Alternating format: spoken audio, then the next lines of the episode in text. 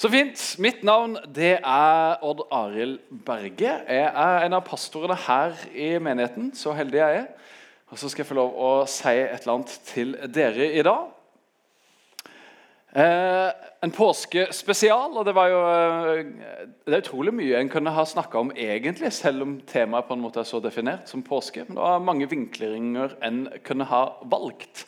Men jeg har da valgt å kjøre på gode nyheter eller bare fake news. Det er det jeg har valgt å kalle talen min i dag.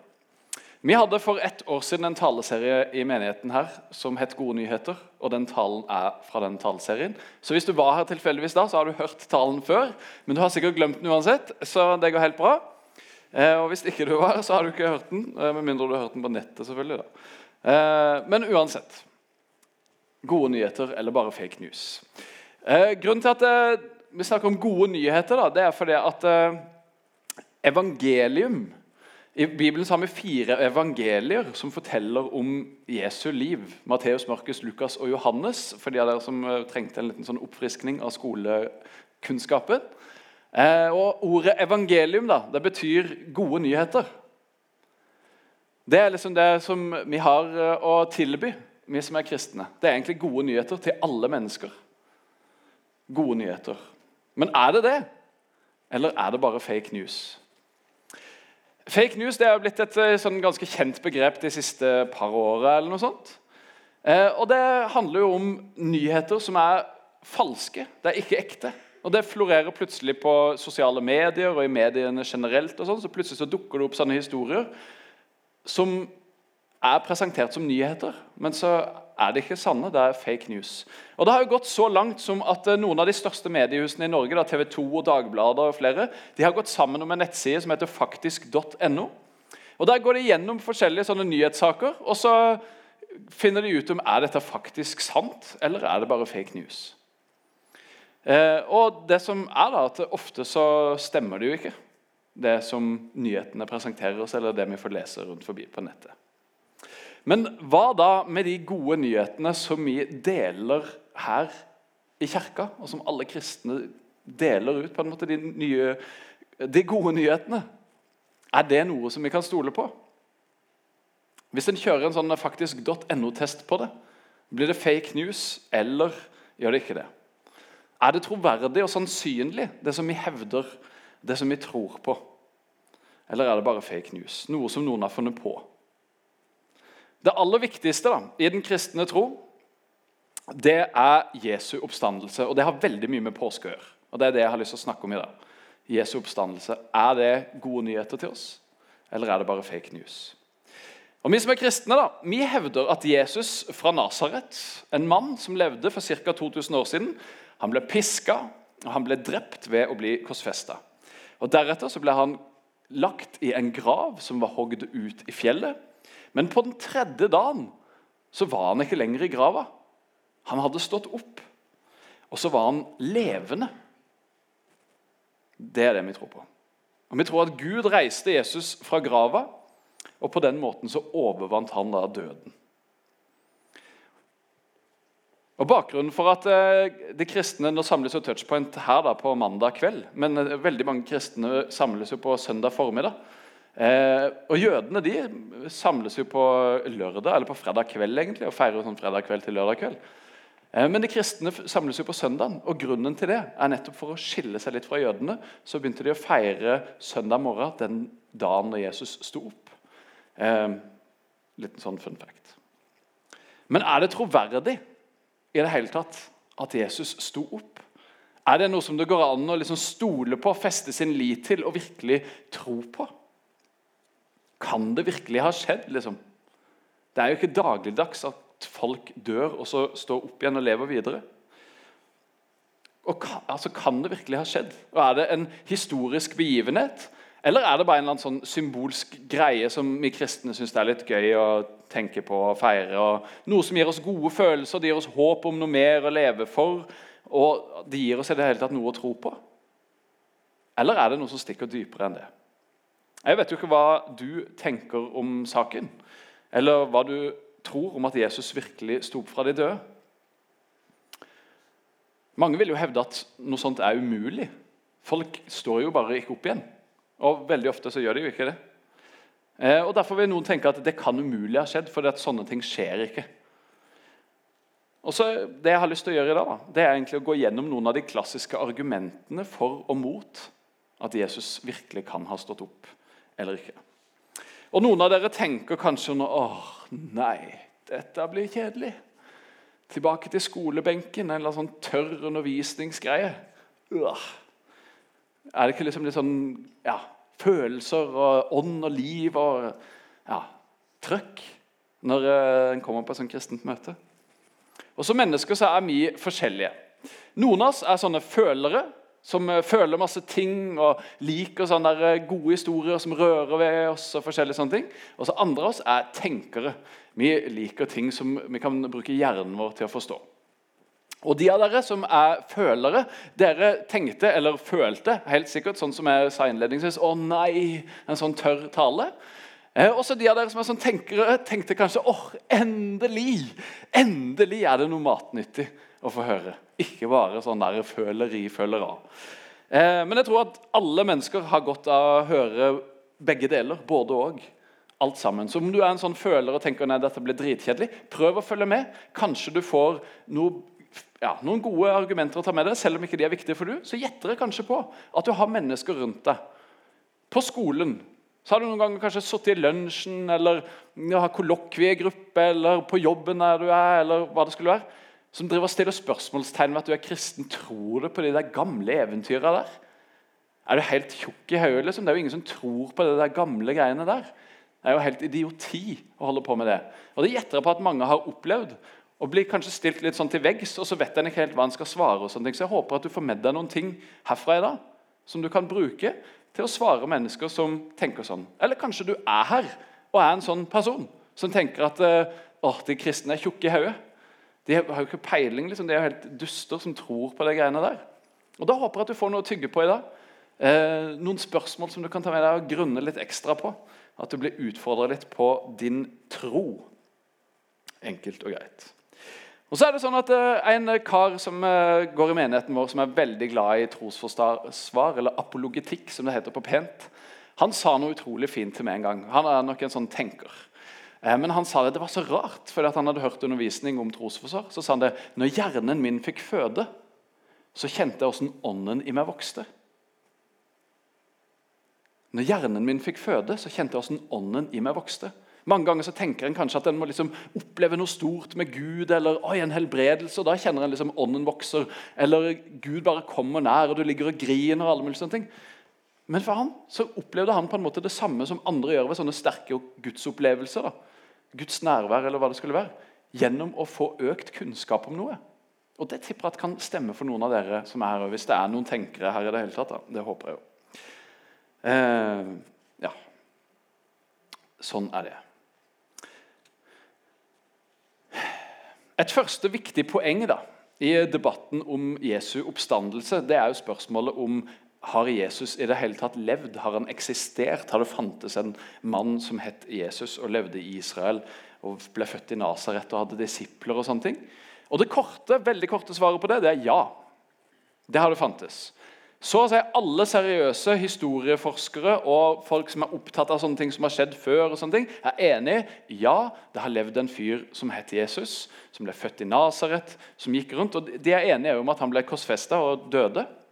Og Dette gjelder òg ateister som er forskere. og sånne ting. De er jo enige i dette her. Men de tror jo selvfølgelig ikke at Jesus var Guds sønn. Og de tror ikke at han sto opp fra de døde fordi at det blir en annen greie for dem. Men alle er enige om at ja, Jesus har levd. Ja, han ble korsfesta. Spørsmålet er sto han opp igjen, eller gjorde han ikke det. Var han Guds sønn, eller var han bare et menneske? Så da har vi svart på det første. egentlig da. Jesus har levd. Punktum. Bakgrunnen for å kunne kalle noe for historie da, det er at den har historiske kilder, historiske dokumenter og nedtegnelser som forteller om det som har skjedd. I nyere tid så har vi masse dokumentasjon. Vi har bilder vi har film. og sånn. Det kan jo selvfølgelig manipuleres i vår tid og skape fake news. Men vi har veldig mye dokumentasjon som er med på å bygge opp at ja, dette har skjedd, dette har skjedd, dette har skjedd. Eh, som vi kan finne. Det er jo litt verre når du går lenger tilbake i tid, sånn som til antikken, når Jesus levde.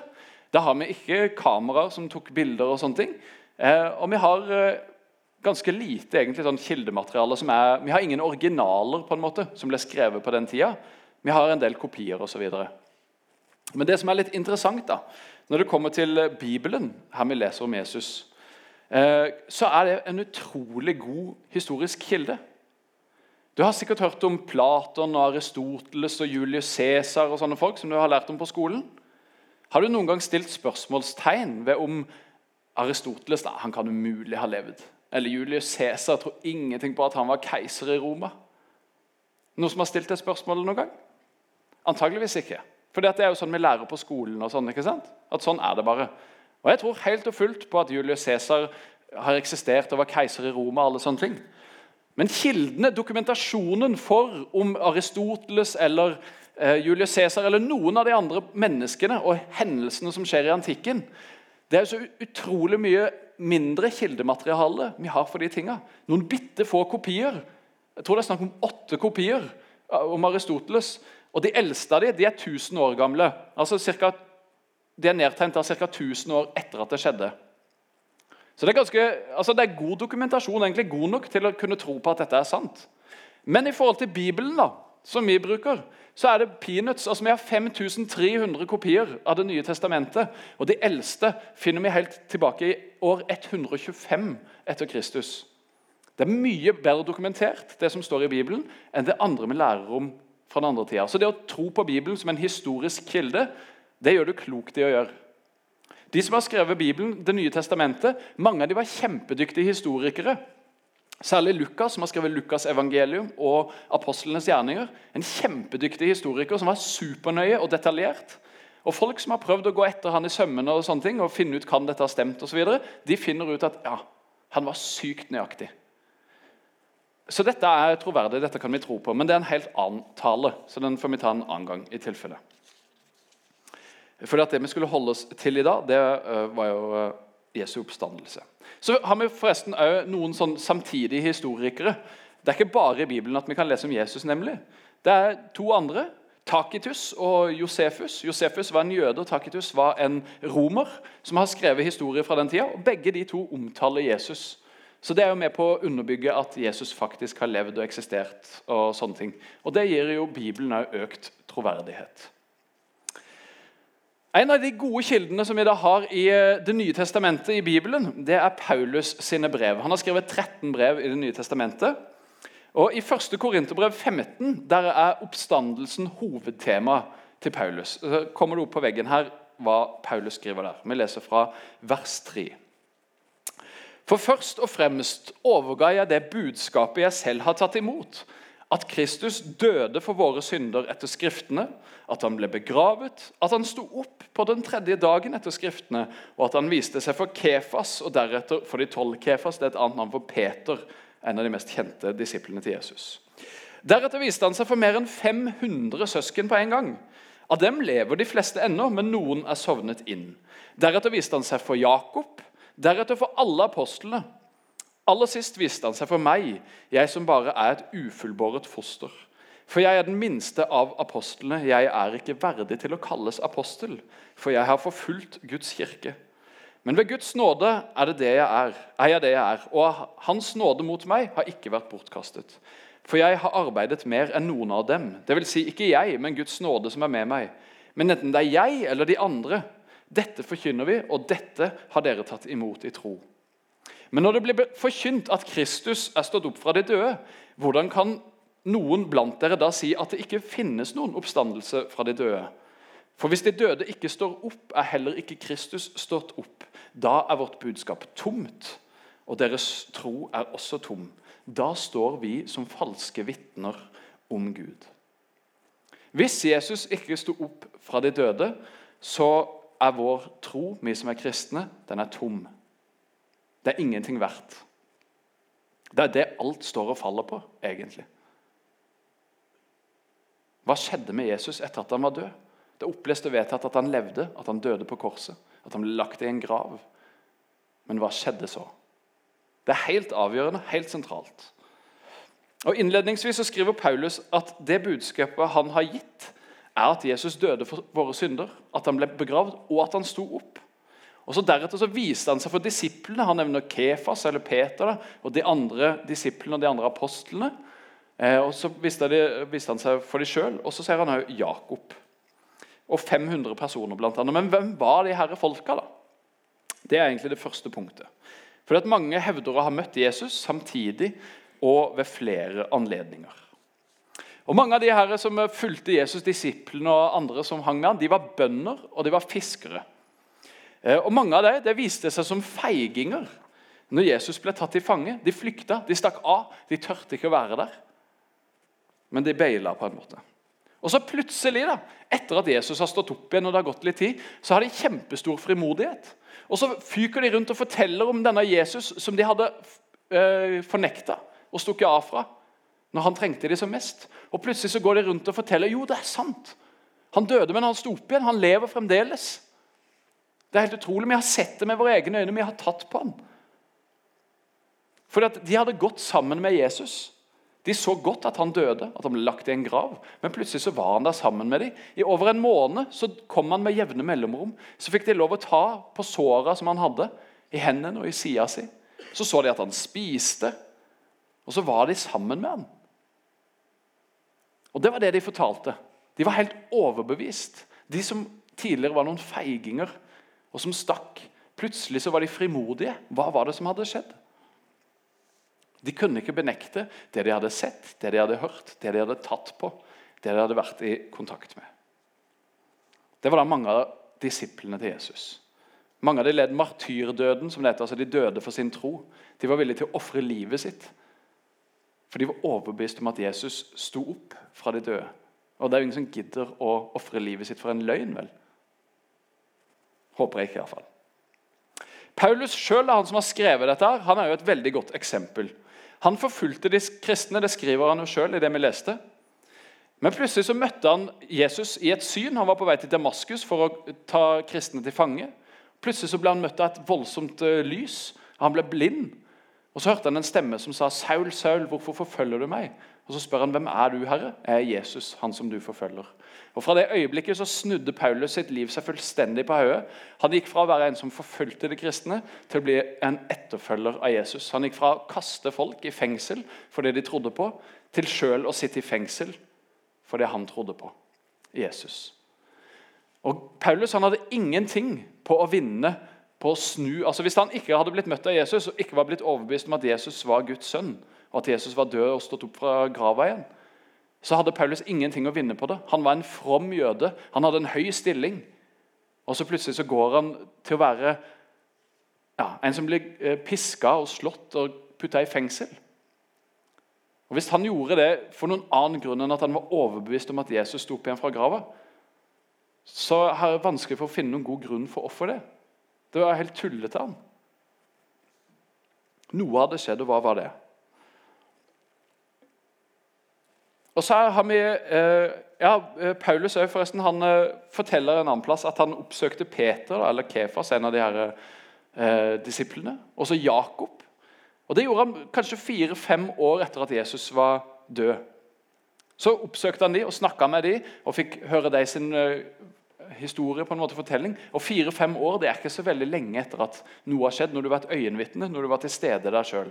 Du husker som regel ganske godt hvis noen har dødd og stått opp igjen. Blant annet jeg gått på vannet og sånne ting. Det glemmer du på en måte ikke eh, med det første. Men Jakob da, han er min absolutte favoritt. Jeg digger Jakob. Han er dritkul. Og hvem var Jakob? Jo, han var lederen for den første menigheten i Jerusalem. Eh, men hvem er liksom Jakob egentlig? Foreldrene hans de het Maria og Josef. Kanskje du har hørt de navnene før. Maria og Josef, hvem var det de var foreldre til? Var det ikke Jesus? Jo, det var det. I hvert fall Maria. da. Så Jakob han er altså Jesu egen bror. Det som er veldig interessant med Jakob, er at vi hører ingenting nesten om Jakob i evangeliene altså mens Jesus driver og trasker rundt. Jakob, se det for deg. Han har levd sammen med Jesus, han har vokst opp sammen med Jesus. De har lekt og lekt tikka og sparka bein på hverandre. og forskjellige sånne ting. Og herja opp igjennom. Og så plutselig i en alder av 30 år så begynner storebror Jesus da å fortelle du, forresten jeg nå har glemt å nevne, jeg er Guds sønn. Eh, så jeg har kommet hit fra sånn litt sånn spesielt oppdrag. og sånne ting. Eh, og Jeg har en fem år eldre bror enn meg. da. Jeg tenker at Hvis han hadde begynt sånn, så hadde jeg tenkt loco, psykiatrisk neste. liksom. Og Det var antageligvis det som eh, Jakob og de andre søsknene til Jesus også tenkte. For De eneste gangene vi får høre noe om søsknene til Jesus i evangeliene, da kommer de, så er de litt sånn skeptiske, og de lurer egentlig på har du gått fra forstanden. Har det klikka for deg, Jesus? Men så er jo plutselig Jakob blitt leder for den første menigheten. Hva har skjedd med Jakob for noe? Hvorfor i heiteste han gått fra å bli en sånn skeptisk til broren sin til plutselig å bli leder for gjengen som følger etter Jesus? Kan det være at det har skjedd en godt dokumentert død? En helt åpenbar gravlegging, men òg en oppstandelse fra de døde? Som Jakob har fått se, som han har fått erfare, og som har gjort at han var overbevist om at hans egen bror ikke bare var hans egen bror, men faktisk var Guds sønn. Hele verdens frelser, den han sa han var. Jeg tror det, da. Og Sånn sett så tenker jeg at Jakob han er det beste beviset. Eller ja, hvis vi skal kalle det et bevis. da. Men den som gir størst troverdighet og mest sannsynlighet for at det Jesus sjøl sa, faktisk var sant. Derfor digger jeg Jakob. Når Jesu egen bror kan tro på at han sto opp fra de døde, da har jeg null stress med å tro på det. Så det er kult. Ja. Det står altså han, Josefus, som jeg nevnte i sted, han jødiske historieskriveren, han skriver at Jakob han led martyrdøden på 60-tallet. Han var altså villig til å bli drept for sin tro på sin egen bror, at han var Guds sønn som hadde stått opp fra de døde. De som mener at Jesus ikke kan ha stått opp, de vil hevde f.eks. at de som hadde sett ham, bare hallusinerte. Og Det er jo et ganske sånn vanlig fenomen. egentlig. Hvis det er noen som du var veldig glad i, som dør, så hender det at folk opplever at en, en hallusinasjon. At de opplever at de er til stede. De ser syner. Så, og Det var kjent på Jesu tid òg. Det. det visste de om allerede da. Så Det er jo en sånn mulig forklaring på hva som egentlig skjedde. Men så står det jo i teksten til, eh, til, eh, Paulus at det var mer enn 500 personer som så Jesus på én gang. Og Da må det i tilfelle være en sånn major gruppehallusinasjon. Og Noe sånt har aldri forekommet i historien. Det fins ikke ja, noe dokumentasjon på at noe sånt har skjedd. Så gruppehallusinasjoner det fins ikke. Og det, Paulus skriver jo at Av de der 500 folka så lever de fleste enda, så du kan gå og spørre dem. Liksom når han skriver den. De er døde nå, da. Eh, men eh, da var det ikke det. Eh, så hallusinasjon virker derfor òg lite sannsynlig. Fordi at. Og så forklarer du heller ikke hvorfor grava var tom. For det er nemlig det neste poenget her. Grava den var tom. Og hvordan skjedde det? Det er ingen som hevder at nei, den grava var ikke tom. Den store steinen den sto foran grava hele tida. Det var et lik inni der at all times. liksom. Nei, problemet var at grava var tom. Hvordan skal vi forklare dette? Hvordan skal vi forklare at grava er tom? Hvordan kan plutselig være det? Et argument det er, som en kan høre, det er at disiplene sjøl stjal liket. Og det argumentet, eller Den historien det finner vi allerede i Matteus 28, siste kapittel i Matteusevangeliet. Så står det det at eh, de ja, Jeg kan lese det, faktisk. Mens kvinnene var underveis til grava, da, så kom noen av vaktmannskapet inn til byen og fortalte overprestene alt som hadde hendt. Overpresten og de eldste kom da sammen og ble enige om hva de skulle gjøre. De ga soldatene en stor sum penger og sa, 'Si at disiplene hans kom om natta og stjal ham mens dere sov.' 'Skulle landshøvdingen få høre det, skal vi snakke med han, så dere kan være trygge.' De tok imot pengene og gjorde som de fikk beskjed om. og Dette ryktet spredte seg blant jødene og har holdt seg til denne dag, leser vi altså i Bibelen. Så de, de, de her eh, jødiske lederne som var ansvarlige for at Jesus var blitt drept, de hadde jo et problem, for grava var tom. De visste ikke hvor Jesus var. hen. De betalte soldatene som var blitt stilt opp som vakter foran grava, og ba dem om å lyve og si at disiplene kom og stjal han om natta. Eh, og grunnen til dette her var at Soldatene var i skikkelig trøbbel. For De hadde jo ansvar for det, og hvis de sovna på post, eller det skjedde noe som, altså at et lik plutselig forsvant, så ble de straffa med døden. Så de hadde jo skikkelig trøbbel. Men der skulle da de jødiske lederne hjelpe dem, og de ga dem penger. ikke sant? Sånne ting. Eh, så, men hovedgreia her er egentlig hva i heiteste skulle disiplene tjene på å stjele liket? Du, Vi stjeler Jesu lik, og så, for han drev og snakka om at han skulle stå opp igjen tredje dagen. Og så, liksom, så sier vi det, å, han har stått opp fra de døde, han har stått opp for de døde, akkurat sånn som han sa. Men hvem er det som gidder å løpe rundt og ofre livet sitt for en løgn? Forhåpentligvis ingen fremdeles. Og jeg tror ikke disiplene var villige, de som akkurat hadde vært noen feiginger. Jeg tror ikke de plutselig var villige til å ofre livet sitt for noe de visste var en løgn. Der de sjøl hadde vært og stjålet et lik. Det er jo helt urimelig. Det henger ikke på greip. Det er usannsynlig. Det er ikke troverdig. Og så vil da Noen hevde at romerne eller de jødiske lederne stjal liket. Men det er jo et dårlig argument, for da kunne de jo bare funnet fram liket. Når plutselig folk begynte å si å, Jesus har stått opp fra de døde igjen, han lever, han lever, så kunne det bare komme rassende med liket og si nei, nei, han er død som en fisk. han. Men det gjorde de ikke. Og Hvorfor gjorde de ikke det? Nei, for de hadde ikke liket. De hadde ikke stjålet det. Det er en annen forklaring til hvorfor grava var tom. Enkelte ville da hevde at Jesus aldri døde. At han bare besvimte, eksempel, at folk trodde han var død. og At han da våkna inne i grava der og rømte. Eh, og Det er jo et litt sånn vanskelig argument holdt på å stå for. fordi at Romerske soldater de var eksperter på korsfestelser. De korsfesta folk en masse. Så dette hadde de gjort mange ganger før. De visste hvordan de skulle drepe noen. for å si Det sånn. Det var jobben deres. ikke sant? Så de hadde full kontroll på dette. Og Vi kan jo lese at de stakk et spyd i sida på Jesus, og at det kom ut blod og vann. Det er et sånn tydelig tegn på at et menneske er dødt.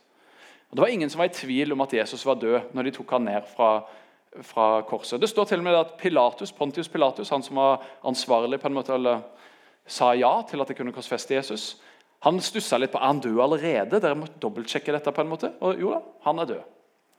Og Så ble Jesus gravlagt. og Han ble da surra inn i et sånn linklede og fikk masse sånn greier surra rundt seg. Så han lå liksom helt sånn inni ei grav med en gigantisk stein foran som var forsegla med masse greier og vakter på utsida. Sannsynligheten for at han, hvis han bare var besvimt, plutselig våkna inni den puppegreia som han var surra inn i, og kom seg ut av de der greiene, og rulla vekk den gigantiske steinen for egen maskin, det er jo helt usannsynlig. Lite troverdig. Antageligvis har det ikke skjedd.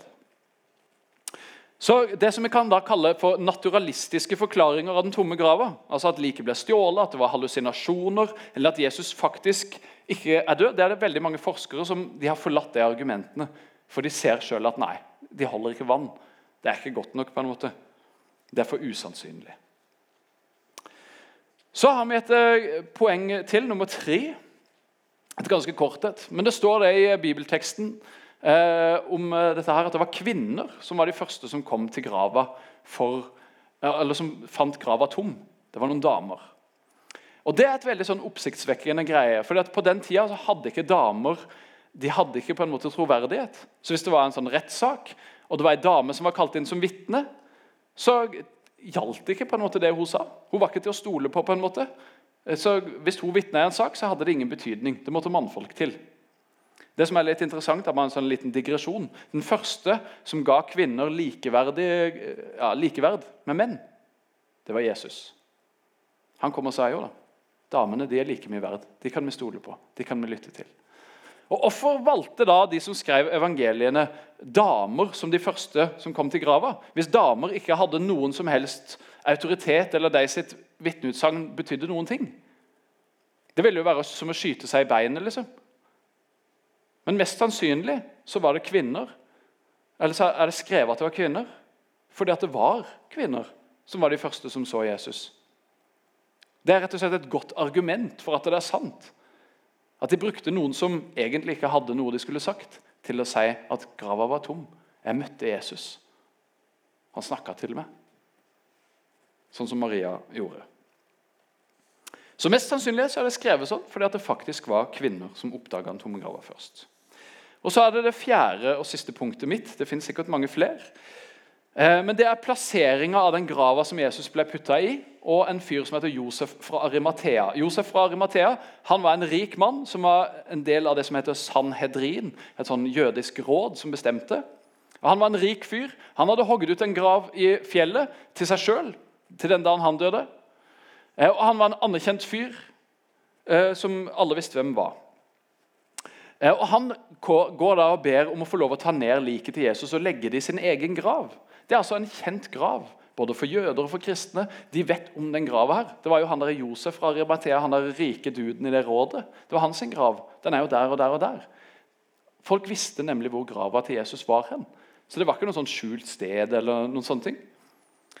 Eh, og Det er allment akseptert blant historieforskere at faktisk skjedde. At det var troverdig at det var sånn det var. Det var Josef fra Arimathea som tok Jesu lik og la det i sin grav. Og Det fins heller ingen alternativ historie til hvor Jesus faktisk ble gravlagt, enn det som vi leser i Bibelen. Så hvilke gode argumenter og forklaringer har de som ikke tror at Jesus faktisk sto opp igjen? Kanskje du sitter her og ikke tror det. Hvilke gode argumenter har du for å hevde at Jesus ikke sto opp igjen? Grava var tom. Hvordan skal vi forklare det på noen annen måte enn at Jesus faktisk sto opp? Og Dessverre så dukker det opp en del sånn udokumenterte hypoteser og antagelser. Jeg har blant annet hørt at nei, Jesus han ble ikke begravd sånn inne i fjellet, men de bare gravde han ned under jorda. Det var helt uvanlig på den tida. vi gjør det i vår tid. Og Så kom noen hunder og gravde opp liket og spiste det opp. Har vi noen som helst kilder for det? Nei. Høres det troverdig ut? Nei, i grunnen ikke. Det var ikke sånn de gravla mennesker på den tida.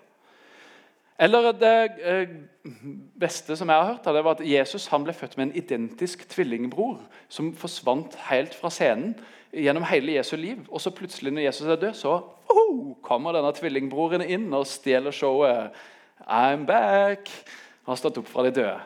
Og Hvilke historiske kilder har vi for å hevde noe sånt? Overhodet ingen. Er det troverdig eller sannsynlig? Nei, ikke litt engang. Dessverre bare sånn tåpelige, dumme eh, argumenter. Og sånn som jeg opplever det, så finnes det i det hele tatt få eller ingen gode argumenter for hvorfor grava var tom, og mot at Jesus faktisk sto opp. Og Det eneste argumentene som jeg opplever at en kan stå på, alt på seg, det er at en jeg tror ikke på Gud, og derfor skjer ikke sånne ting. Eller sånne overnaturlige hendelser og fenomener. Det forekommer ikke, og derfor kan jeg ikke tro på at Jesus heller sto opp fra de døde. Hørte dere hvilket ord jeg brukte? Jeg tror ikke.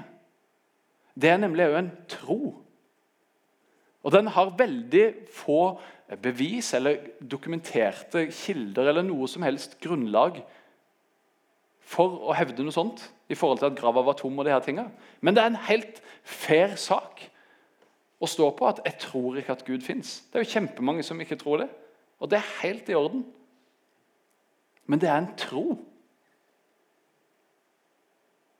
Det er en tro. Så det er spørsmålet hva vil vi tro? Vil vi tro at Jesus sto opp fra det døde, at grava var tom fordi han virkelig sto opp, sånn som vi leser, sånn som en har dokumentasjon for? Eller vil en tro noe annet?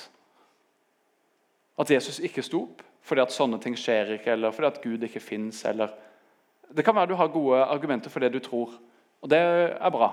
Gode argumenter er fint. Men det er tro. Og Det kan være greit å ta med seg. Kanskje særlig for oss som er kristne, som noen gang føler oss sånn stilt til veggs. så at ikke vi har noe å stille opp med. Vi har faktisk kjempemye å stille opp med. Vi har masse god dokumentasjon. Og vi har gode forklaringer på det som har skjedd. Bedre enn de som hevder noe annet, faktisk. Så vi deler gode nyheter. Vi har gode nyheter å komme med. Og Ikke bare fordi at vi har møtt Jesus og kanskje har personlige erfaringer sjøl. Det er kjempebra. Men hvis ikke vi hadde hatt noen av det, så hadde vi fremdeles hatt gode nyheter å komme med. Fordi at vi har gode argumenter. Vi har bevisgrunnlag for at Jesus faktisk sto opp igjen fra de døde. At han døde, og at han sto opp igjen. Og det er ganske kult. Og Gjennom hele historien så finner vi mennesker som var villige til å gjøre akkurat det samme som disiplene. De var villige til å ofre sitt liv for det de trodde på. I vår tid, i vår verden, så finnes det mennesker som ofrer sitt liv fordi at de er overbevist om at Jesus er sannheten, sånn som han sa. At han ikke bare døde på et kors, men han overvant òg døden og sto opp igjen. Og Han gjorde det for alle menneskers skyld. Han gjorde det for din og min skyld. Det er det påske handler om. Det er det som er verdenshistoriens største hendelse. Det viktigste som har skjedd i vår tid, det er at Jesus døde og sto opp igjen på et kors. Det er grunnen til at vi feirer påske. Det er ikke Kvikk Lunsj og appelsiner og skitur i solveggen, og sånne ting, selv om det er konge. Norsk påske er kult. Men det er ingenting mot korset og den tomme grava. Den virkelige påsken. Gode nyheter eller bare fake news? For meg så finnes det ingen gode argumenter for at dette bare er fake news. Men derimot så finnes det masse gode argumenter for at det er gode nyheter. Jeg har lyst til å avslutte med noen få ord fra Paulus, som står i 1. Korinterbrev 15. Hvis vårt håp til Kristus gjelder bare for dette livet, så er vi de ynkeligste av alle mennesker. Og så står det videre Men nå er jo Kristus stått opp fra de døde, som førstegrøden av dem som er sovnet inn. Og så Til slutt så handler det om hva velger du å tro på. Hva vil du tro på? Det å da mene at Jesus ikke har stått opp, det er jo et valg eller en tro. Så hva tror du? Jesu oppstandelse? Er det gode nyheter? Eller er det bare fake news? Hvis du har spørsmål eller innvendinger eller sitter og bobler inni deg for at du blir provosert, det er dritkult. hvis du er det, så vil jeg oppmuntre deg til å gå til en av de som er eh, forbedere eller samtalepartnere her i dag. De har lyst til å ta en prat med deg. Kan stille spørsmål. Øyvind, som er en av forbedrerne, han er supergod på sånne som med trosforsvar. Så har du spørsmål, så kom gjerne til han. Du kan også komme til meg etterpå. Eh, og Det er flere forbedrere her så Hvis det er andre ting som du tenker på, noen du har lyst til å snakke med, noe du har lyst til å bli bedt for, så er det mulighet for å gå til deg. De er bak globen der nå etterpå. Så kan du gå dit nå eller etter eh, møtet. Så vet du det. Da har jeg bare lyst til å be en bønn til slutt. Takk, gode Gud, for at du er en god Gud. Og takk for at du var villig til å sende Jesus som vår frelser, som vår redningsmann, som kjøpte oss fri fra døden og fra synden og fra skammen og fra all den dritten som vi lever i. Og Takk for at vi får lov å ha fellesskap med deg, takk for at vi får lov å ha evig liv. Og takk for at det er sant, at det er gode nyheter. At det er noe vi kan stole på og ha tillit til, at ditt ord det er troverdig, Herre. Takk for påska som vi går inn i, og la oss bære det med oss. At du virkelig døde og virkelig sto opp igjen, at du gjorde det for oss, at du kjøpte oss fri. At ikke det bare er gamle eventyr eller fake news, men at det er gode nyheter for alle mennesker. At det er noe vi kan bære med oss og gi videre til det som vi har rundt oss. Herre. Men Du velsigne den gjengen som er her i dag, med en god påske. Og La de få komme, få kjenne og se og erfare at du er den sanne, levende Gud som virkelig sto opp fra det døde. Amen.